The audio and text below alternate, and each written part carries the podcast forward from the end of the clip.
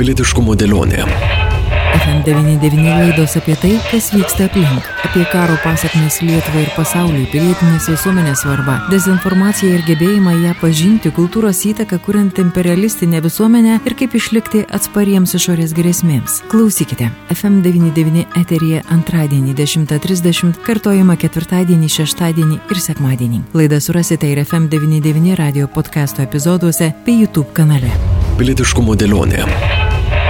Studijoje prie mikrofono Liudas Ramanauskas ir Romas Sadauskas. Labadiena, Romai. Labadiena. Kągi, vasara baigėsi, pilietiškumo dėlionė šiandien šiek tiek lengvesnė tema, bet be jokios abejonės nepabėgsime nuo gyvenimo realių. Baltarusija, pasienis su Baltarusija ir ne tik su Baltarusija. Štai, ką tik paaiškėjo, jog Lietuva ruošiasi uždaryti dar du pasienio kontrolės punktus. Romai, kokia situacija pasienyje, kaip žmonės reaguoja į tai, netrukus mes išgirsime ir vidaus reikalų ministrą ministrės Agnės Bilotaitės paaiškinimus, kodėl vis dėlto Lietuva planuoja uždaryti dar du papildomus punktus. Iš šešių du uždaryti, dar du planuojama, liks šiek tiek mažiau. Kadangi aš esu iš pietų Lietuvos, tai labiausiai girdžiu apie Raigardo postą pirmiausia ir atgarsus apie į tai. Vis dėlto tai yra postas, per kurį e, į Baltarusiją važiuoja visas tas kampas Lietuvos, kuriam e, per kitus postus jau būtų tolokai važiuoti. Kalbu apie tas e, vos ne kasdien kasdieninės kelionės,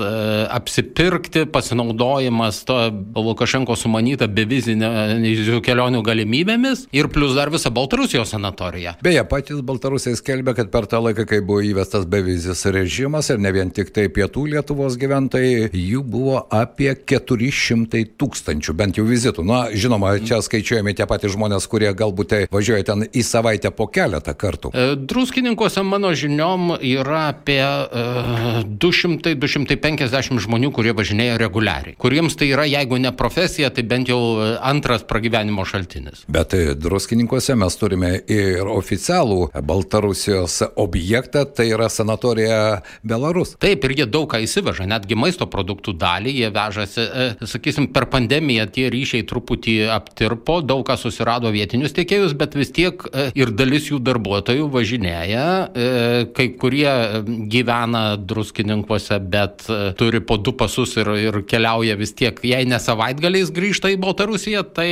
e, bent jau po kelis kartus per mėnesį važiuoja. Tai tas judėjimas vyksta ir Baltarusija, ir Baltarusijos sanatorija yra vienas iš, vienas iš tokių taškų, iš kur tas judėjimas didžiausias. Beje, kalbant apie tą dvigubą pilietybę, ar ne, prisimenam diskusijas, kiek jų iki dabar yra dėl dvigubos pilietybės lietuviams gyvenantiems diasporoje, užsienio šalyse. Ir štai Lietuva pati, Romai, kaip tau atrodo, ar mes žinome, kiek pasienio, jeigu taip apibėgti visą Lietuvos pasienį, tiek Kaliningrado sritis, tiek pasienį su Baltarusija, tiek pasienį su Rusija, kiek žmonių gyvenantis pasienio zonose turi tos dvigubus pasus, apie kuriuos niekas nežino, tik jie patys. E, kažkaip Lietuva tuo nesidomėjo ir turbūt va tik tas įvykis, kai tėvas išsivežė savo vaiką, į, pa, dabar jau vadina pagrobę į Rusiją perplaukęs, tai e, tik tas įvykis paskatino domėtis, kaip čia taip atsitiko, kad Lietuva nežino, e, kiek žmonių turi rusiškus pasus. Rusijos atveju yra kitaip. Ten e,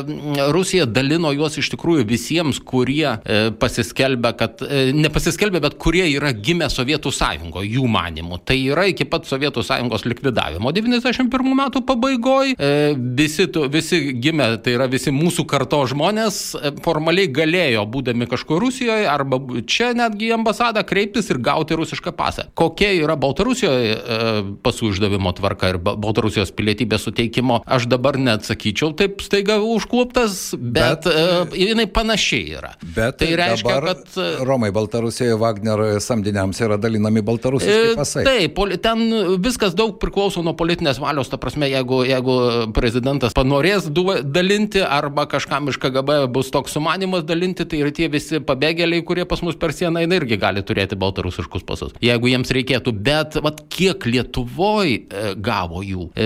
E, pirmiausia, iki, iki 20 metų, kai vyko ten ta revoliucija Baltarusijoje ir buvo nuslopinta Lietuva, daugiau bendradarbiavo su Baltarusijos institucijom ir ta informacija buvo keičiamasi, bet keičiamasi tiek, jeigu mes davėm viską, tai Baltarusijai duodavo tai, ką nori. Bet ta pati situacija ir su Rusija, ar ne? Taip, Nes iš iki, esmės... iki karo iš esmės vyko apsikeitimas duomenim, dabar jis nevyksta ir dabar kiek žmonių gauna tą pilietybę arba kiek ją turi ir nuslėpia, e, Lietuvos institucijos neturi duomenų ir tai nekarta patvirtino e, tiek vidaus reikalų ministerijos, tiek migracijos departamento vadovai, kad tokie duomenys net keliauja. Ar tau neatrodo, kad esant dabartiniai tokiai situacijai, karas Ukrainoje ir tos įtampos pasienyje, na vis dėlto turėtų keistis ir pačios valstybės požiūris, e, būtent, na, nežinau, šiek tiek ne tai, kad reglamentuoti, bet pagaliau sutvarkyti tą sistemą. Tu prisimeni, prieš keletą savaičių čia buvo skandalas, kai ir valstybės tarnautojai ir pareigūnai vykdavo į tą pačią Baltarusiją ir kilo mintis, kad bent jau jiems galbūt uždrausti galimybę išvažiuoti į Baltarusiją, nes pavojų ten tikrai yra. Mes nežinom ir kiek valstybės tarnautojų dar turi tą dvigubą pilietybę. Nes jeigu nežinom nieko, tai nežinom ir šito. E, kitas dalykas, kad e, žmogus gaudamas pasą, tai ne tik gauna dokumentą ir ne tik teisę ten e, važiuodamas, tarkim, per sieną Lietuvos pusėje parodyti lietuvišką, o ten jau jų pasą, bet kartu gauna ir pareigas, įsipareigojimus tai šaliai. Ir jeigu, tarkim, Rusijos pilietis gali būti mobilizuotas ir pasiūstas vykdyti kažkokios užduoties, tai yra jo pareiga. Jis turi tarnauti savo tai antrajai tėviniai, taip pat kaip pirmajai. Arba ir kiekviena mano, kad jo yra svarbiausia ir pagrindinė. Tai, tai čia yra vis dėlto grėsmė šaliai ir kažkokiu būdu ta informacija turi būti surinkta. Tavo nuomonė, koks yra būdas, kaip surinkti e, ir naivų tikėtis? Tai yra neviešas kad... veikimas, kriminalinė žvalgyba ir, ir kiti žvalgybos metodai. Va, tai tie atvejai, kai, sakysim, vizos neturėdamas e, per sieną su Rusija važiuoja žmogus, kuris neturi vizos su lietuvišku pasu iš mūsų pusės. Tai aišku, kad jis kitoj pusėje kažką parodys tokio, kas e, dėl ko jį leis. Yra būdų. Ir e, aš manau, kad ta informacija yra renkama, bet, bet jinai nėra, galbūt, jinai galbūt e, apibendrinama kažkiek, bet nėra naudojama konkrečių žmonių atžvilgių, kol neįvyksta tokie incidentai kaip su tuo tėvu. Na kągi, dabar paklausykime, kągi sako vidaus reikalų ministrė, argumentuodama, kodėl Lietuva ruošiasi uždaryti dar du pasienio kontrolės punktus su Baltarusija. Turime dėl konkrečių kriterijų, kada mes imtumėmės e, ir priimtumėm sprendimą a, uždaryti sieną Ir šitie kriterijai yra du. Tai pirmiausia yra ginkluotas incidentas arba incidentai prie vienos iš valstybių sienos. Tas incidentas turėtų būti na, tikrai toksai, kad e, keltų rimtas grėsmės e, mūsų valstybių nacionaliniam saugumui. Antrasis kriterijus tai yra organizuotas masinis neteisėtų migrantų prasiveržimas e, per vienos iš valstybių sieną. Ir sutarėme, kad esant vienam iš šitų kriterijų įvyksta operatyvus informacijos apsikeitimas, pirmiausia mūsų tarnybų lygmenyje ir tada yra priimamas sprendimas tarp valstybinių, tai yra tarp vyriausybinių valstybinių lygmenių.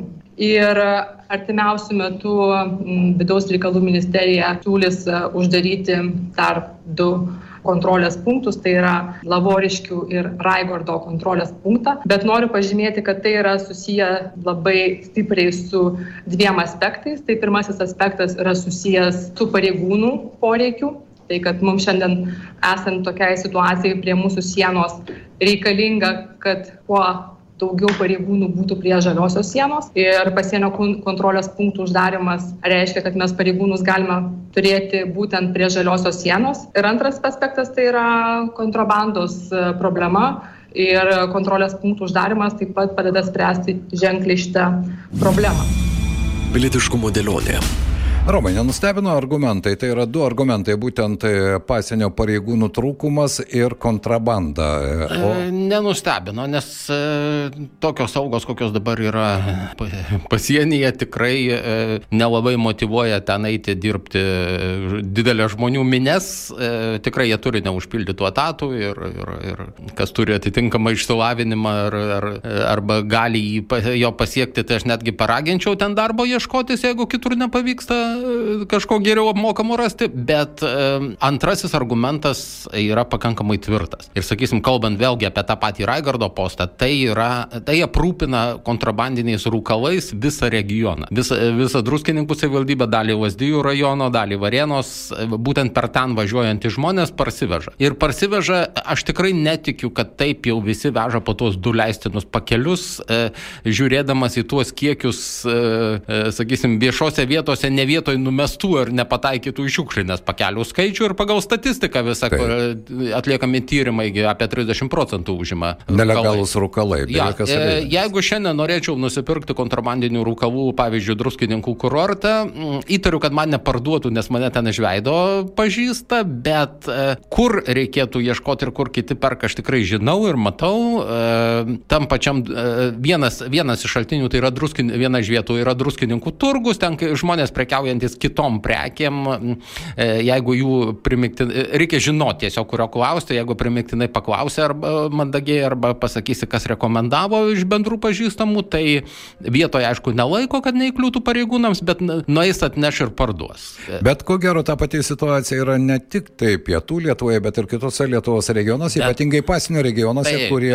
Bet prisiminkim, vienas dalykas yra iš tų druskininkų sėsti ir važiuoti čia pat per sieną ir už, už jos nusipirkti ir grįžti, tai yra kūro sąnauda. Dar plus įsipila kūro pigesnio, alkoholio pasiima į leistiną kiekį, e, prisikamšo ten į automobilį kažkur ar už drabužių tų cigarečių pakelių ir parvažiuoja. Kitas dalykas, jeigu reikės važiuoti kelias dešimtis kilometrų per kitą postą, jau iš karto ta kelionė tampa nuostolinga. Beje, štai Nacionalinės vežėjų automobiliais asociacijos Linova generalinis sekretorius Zenas Buivydas tvirtina, kad vidaus reikalų ministerijos planai, apie kuriuos ką tik tai mes girdėjome, sakė vidaus reikalų ministrai uždaryti dar du pasnio kontrolės punktus su Baltarusija, neigiamai paveiks transporto sektorių. Pasak jo, dėl tokio sprendimo prastės Lietuvos kaip tranzitinės šalies įvaizdis. Na, vežėjai visada, ko gero, sako, kad bet kokie veiksmai jie ir įvaizdžiui, įvaizdžiui kenkia, na ir žinoma jų verslui kenkia. E, pra, tikrai prastės Lietuvos kaip e, sankcijų apiejimo šalies įvaizdis. E, ar mes tikrai norim tokio įvaizdžio? Ir, ir didžioji dalis to tranzito būtent yra toks tranzitas, kai veža į e, visus tos stanus ir paskui tos prekės atsiduria vis tiek Rusijoje. Tai, tai aišku, iš to uždirba pinigus, iš to kažkas maitina šeimas, bet tai yra krūvini pinigai, sakykime taip. Na štai, kalbant apie tos krūvinus pinigus ir sankcijų apėjimą, be jokios abejonės dabar atliekamas ne vienas žurnalistinis tyrimas ir ko gero tie skaičiai yra įspūdingi. Aš prisimenu kažkada ir dar šiais metais ir ekonomikos ir inovacijų ministra Užsienė Armonaitė teigė, jog tūkstančiais procentų padidėjo prekių reeksportas į Vidurinės Azijos šalis, kur iš tikrųjų tos prekės nusėda, ko gero niekas negali pasakyti. E, ko gero tikrai nepadidėjo tose šalyse vartojimas taip smarkiai. Jie staiga nepuolė valgyti ten lietuviškų maisto produktų ar, no, galų to, ką vežam pramonės gaminių, taip. tokių komponentų e, pramoniai, e, kurių netgi jų šalyse esančioms įmonėms nereikia. Jos nesurenka ten kažkokių dronų ar dar ko nors, kad jiems reikėtų būtent tų mikroschemų, bet jos keliauja į tą šalis neva, neva bidinių pirkėjų ir paskui perpa, sutvarkomi dokumentai perparduoda ir iš ten jau gali laisvai keliauti, nes tai yra nepriklausomų valstybių sandrauga, vieninga muitinė erdvė, kur gali net ir be patikrinimo keliauti ramiausiai savo į Rusiją. Taip kad mes aprūpinam karą. Taip. Romai, čia būtų galima retoriškai paklausti. Tu minėjai apie krūvinus pinigus ir mes kalbame mūsų laidoje, nemažai kalbame apie pilietiškumą, apie bendruomenę sutelkimą. Tai kaip dabar tos svarstyklės? Verslas yra verslas ir visa kita neturi jokios reikšmės. Na, aš jau nekalbu apie tos atvejus, apie kuriuos tu pasakoji, tos pastovios kelionės į Baltarusiją pigesnių cigarečių, kurios kainuoja po to parvežtos dvigubai pigiau negu čia Lietuvos parduotuvėse. Bet e, kiek tokia situacija gali tęstis? Tokia situacija gali tęsti neribotą laiką ir tokia situacija gali klampinti mus vis giliau ir giliau. E, jo, kai karas buvo naujiena, kai karas tik prasidėjo, iš tikrųjų buvo šokas ir dalis žmonių e, reagavo adekvačiai, e, dalis verslų iš ten pasitraukė, e, nustojo bendrauti iš viso su Rusija, net kultūriškai buvo tas toks karantinas, sakysim, visai rusų, rusiškai kultūrai. Dabar tie, kurie tada pasitraukė, jie didžioji dalis jų ir nepradėjo. Iš naujo ten ieškoti kontaktų, iš naujo pradėti kažkokiu verslu. E, tie, kurie kalbėjo, kad jiems dar reikia laiko pasitraukti, jie taip ir nepasitraukė. Tas, jeigu kalbėtumėm apie visą vakarų verslą, buvo statistika, kad išėjo vis dėlto ten keli šimtai didžiųjų įmonių, kuriuoms svarbu įvaizdis, kurios, kurioms iš tikrųjų rūpi, kuo kvepia tie pinigai, kuriuos, kuriuos uždirba, bet uh, tikrai didelė dalis, ypač smulkesnių, ypač kur, uh, mažiau žinomų vardų, ten, kur, kur daug akcininkų, daug tarpininkų, daug nusavybės formų, uh, daug kas liko Ir dėja, mes esam tarptų šalių, kurios tas buvimas, sakysim, pas, pasienio regione savo anspaudą uždėjo ir e, pasil, e, ne tik pasilikusių verslų, bet, sakysim, tų, kurie dirba, kurie, jeigu pradžioj buvo nutrūkę ryšiai ne dėl jų pačių sprendimo, o dėl to, kad e, tiesiog sankcijos neleido kažko vežti, tai užteko laiko susirasti va tuos aplinkinius apėjimo kelius, tos schemos pakankamai tik iš pirmo žvilgsnio atrodo sudėtingos, bet arba mūsų institucijoms sudėtingos, o kai pradeda žurnalistai tyrinėti, kažkaip paaiškėja, kad viskas gana lengvai atsekama ir, ir atrenkama kažkur. Be jokios abejonės, bet iš kitos pusės, e, tu prisimeni tas diskusijas e, šių metų pavasarį, kai buvo e, kilusi idėja, jog reikėtų viešinti tas įmonės, kurios ir toliau tęsia bendradarbiavimą ir kurios, mano nuomonė, naudojamos kaip įrankiai ir dvigubos paskirties prekiams gabenti, ar po to viskas liktai nutilo ir iš esmės, kaip tau atrodo, ar iš tikrųjų štai toks viešas sąrašas įmonių, kurios ir toliau karo sąlygomis tęsia bendradarbiavimą ir vienokiu ar kitokiu būdu daro savo verslą, jis turėtų tam tikrą poveikį visuomeniai. Ukrainiečiai tokius sąrašus sudarinėja ir kažkaip niekas ten dėl to ne, ne, neskundžia jų teismams, kad e, gadina įvaizdį, nes puikiai supranta, ką daro. Tikrai nebūtų bėda, tik tiek, kad į tuos sąrašus, e, e, sakysim, galbūt nesažininga truputį, kad į tuos sąrašus patektų ta dalis, kuri, kuri atvirai pasiliko ten kažkokias veiklas ir nepatektų va tie visi, kurie e, naudojasi primityviam apėjimo schemom. Aišku. Na, o netrukus mūsų laidoje, bičiuliai, mes sugrįšime prie dar vienos šios laidos temos. Pilietiškumo dėlionė. Tęsime mūsų pilietiškumo laidą ir dabar pakalbėkime apie etiką. Apie etiką ne tik kalbant apie pilietiškumą, bet ir apie etiką miškuose, kur jie bebūtų.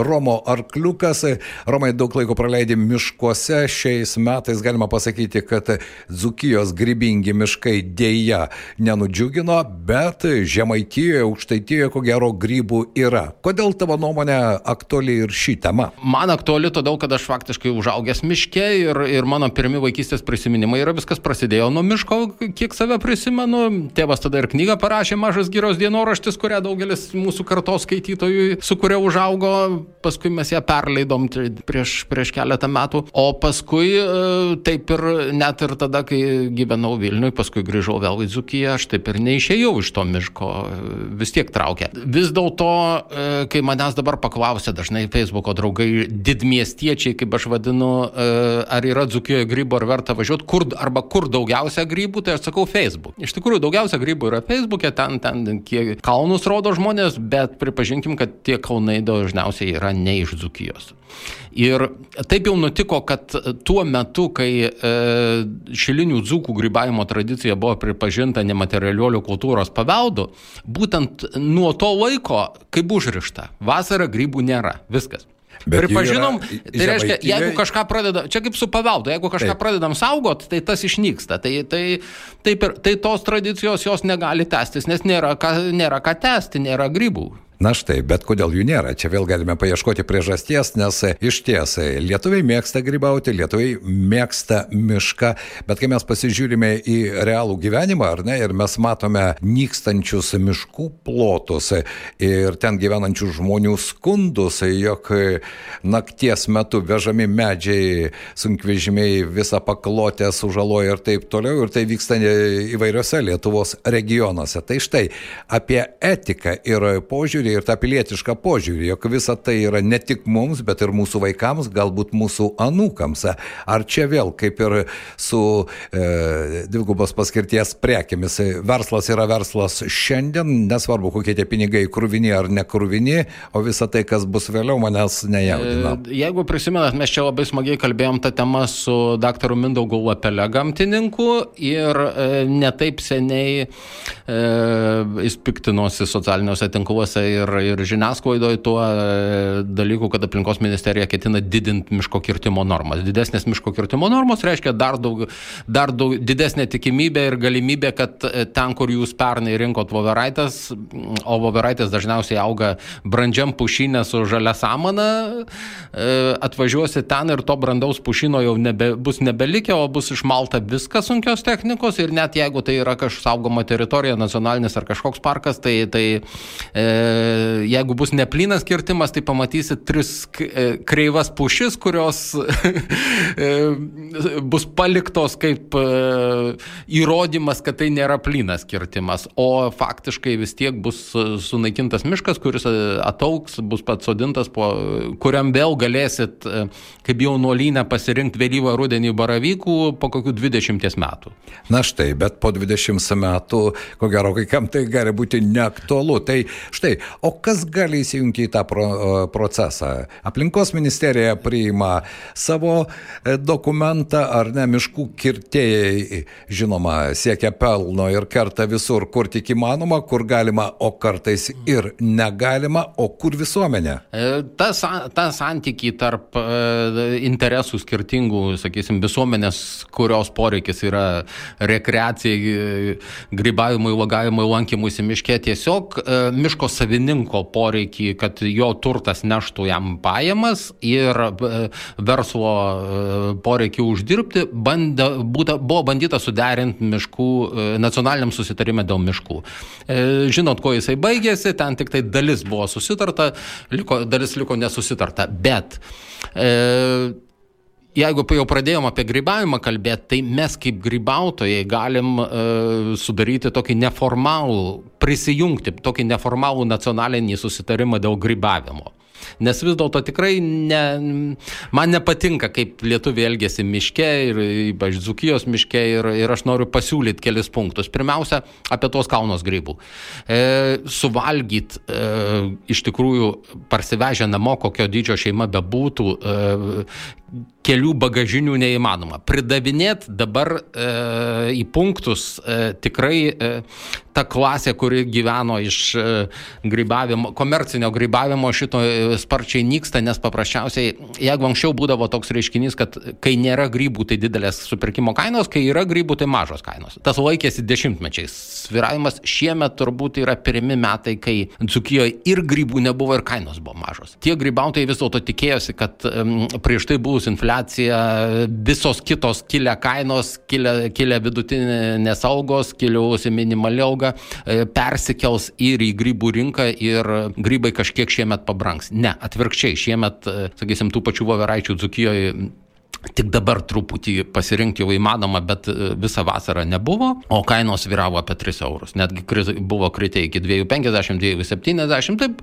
galima sakyti, kad visą vasarą laikosi apie 3 eurus. Tai už tokią tiek pat buvo prieš keletą metų ir dar litais kainavo panašiai. Tai kitaip sakant, per dešimtmetį kaina nepasikeitė. Tai e, ta komercinių grybautojų grupė išnyko, liko e, rekreaciniai grybautojai, kaip aš vadinu, ir, ir sveikatinimo grybavimas. Apie sveikatinimo grybavimą atskirai gal pasakysiu kelis sakinius, bet e, tai va tarptų rekreacinių grybautojų mes ir galim susitarti, kad eidami iš miško, e, kaip gerai bediktų, grybaujam, kol prisirenkam vieną tradicinį kašiką, nu, pintinę, nedzukams pasakysiu, vieną pintinę žmogui, arba e, jeigu jau aš labai ne, ne, ne, nepritariu grybavimui kibiruose ir celofaniuose maišuose, nes nepasisėjęs poros grybų, bet e, pagal kiekį, tai sakė, vieną kibirą. Vienas kibiras grybų vienam žmogui. Tai užteks ir džiovinti, ir išsivirt, bet, bet ne penki kibirai. Taip. Nes tada jie tiesiog supūva dalis išmetam ir tai yra nepaliekam kitiems. Ir daugiau nutrypiam, daugiau uždraskom. Vienas. Antras punktas nacionalinio susitarimo galėtų būti būti vis dėlto, miškas nėra miestas, kad jame šūkau. Gyvenam išmanių telefonų laikais, visur veikia 4G ryšys miške, sugebam nufotografuoti augantį grybą ir įkelti čia pat į socialinius tinklus, tai sugebėkim ir vienas kitam paskambinti miške ir nerėk. Trečias punktas tai yra, jeigu einam per mišką, pamatom kitą grybautoją, tai kad vienas kitam iš panosės nerankėtum grybų ir ne, ne, nežvairuotumėm, tai ties, susitarkim taip, pamatai žmogų suky priešingą pusę nuo jo. Jis irgi daro tą patį. Ir viskas. Tada einam ten, kur neišgrybautos vietos ir, ir, ir renkam.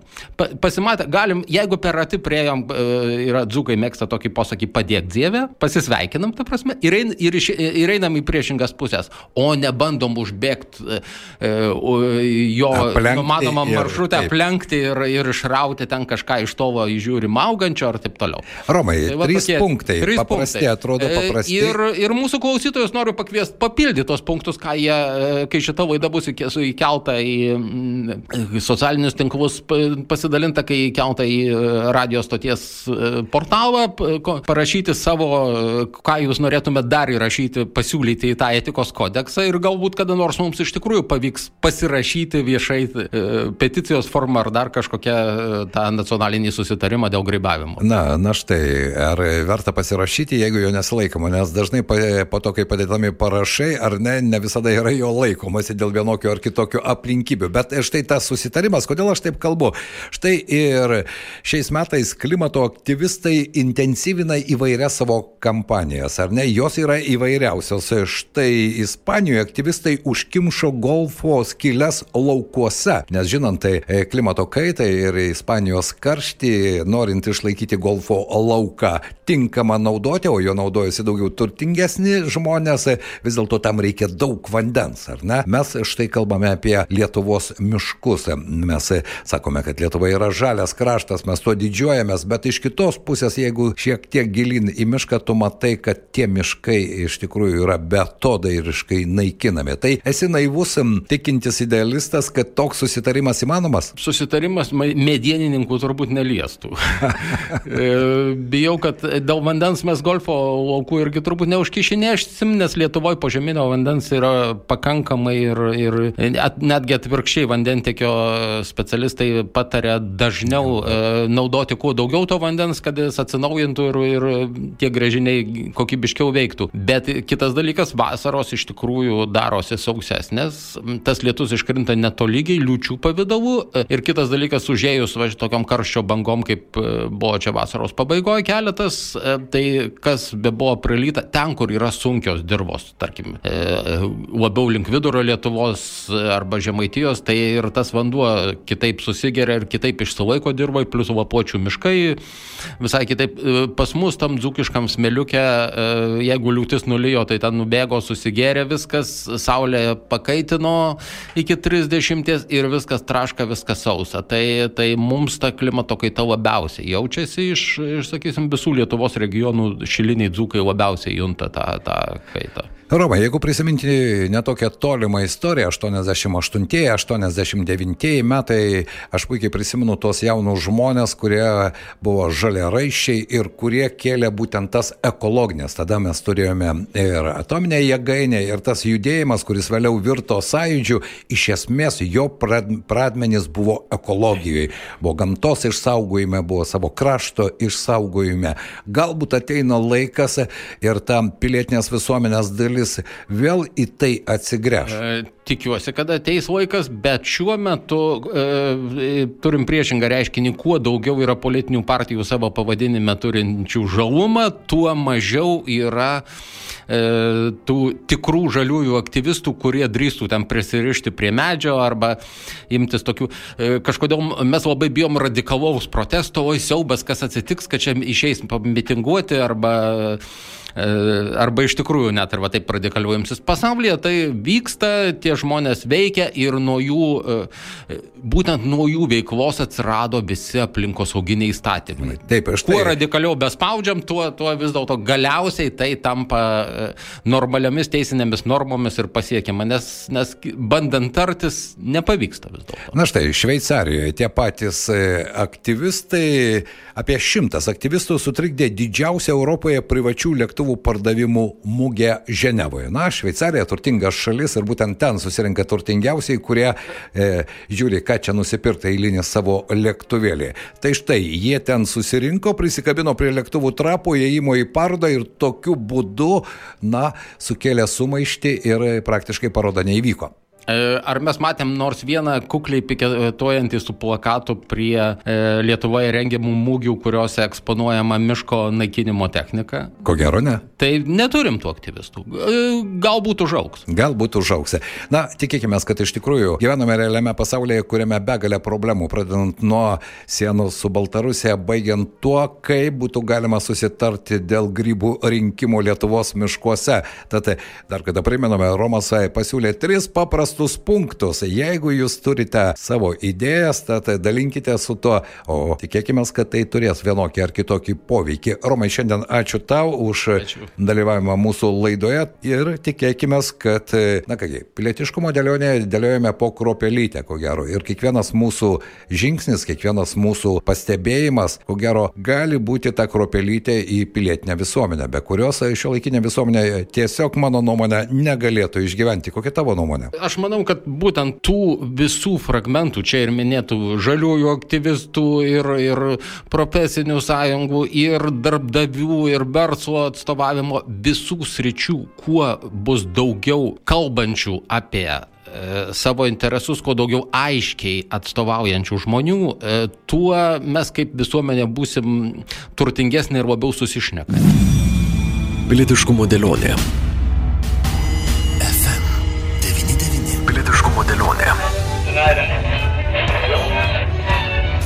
Prie laidos finansavimo prisideda spaudos radio ir televizijos rėmimo fondas.